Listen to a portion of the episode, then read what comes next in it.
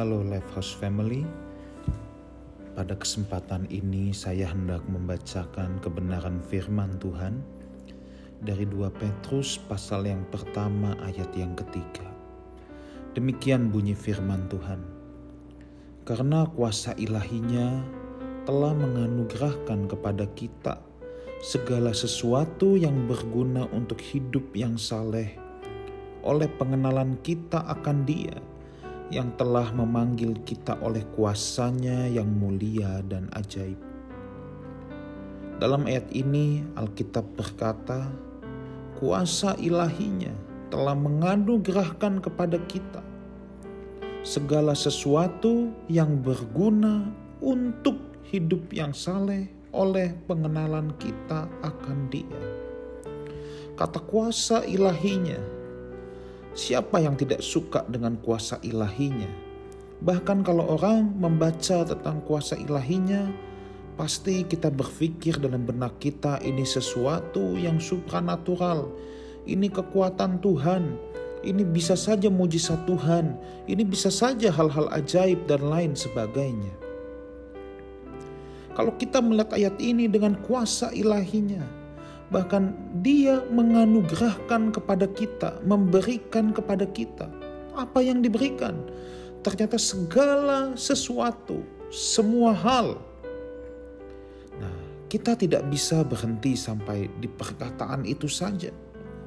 Banyak orang dengan mengharapkan kuasa Tuhan, bahwa Tuhan akan memberikannya segala sesuatu tetapi ayat ini tidak stop sampai di sana. Betul kuasa ilahinya akan menganugerahkan kita segala sesuatu. Tetapi tujuannya apa saudara? Lalu ayat ini berkata, yang berguna untuk hidup yang saleh oleh pengenalan kita akan dia. Jadi ternyata dengan kuasa ilahinya, betul Tuhan akan menganugerahkan kepada kita segala sesuatu untuk apa? Ternyata untuk memiliki hidup yang saleh. The godly man, the man of God. Untuk memiliki hidupnya Tuhan Yesus. Untuk memiliki kehidupan anak-anak Allah yang maha tinggi oleh pengenalan kita akan dia.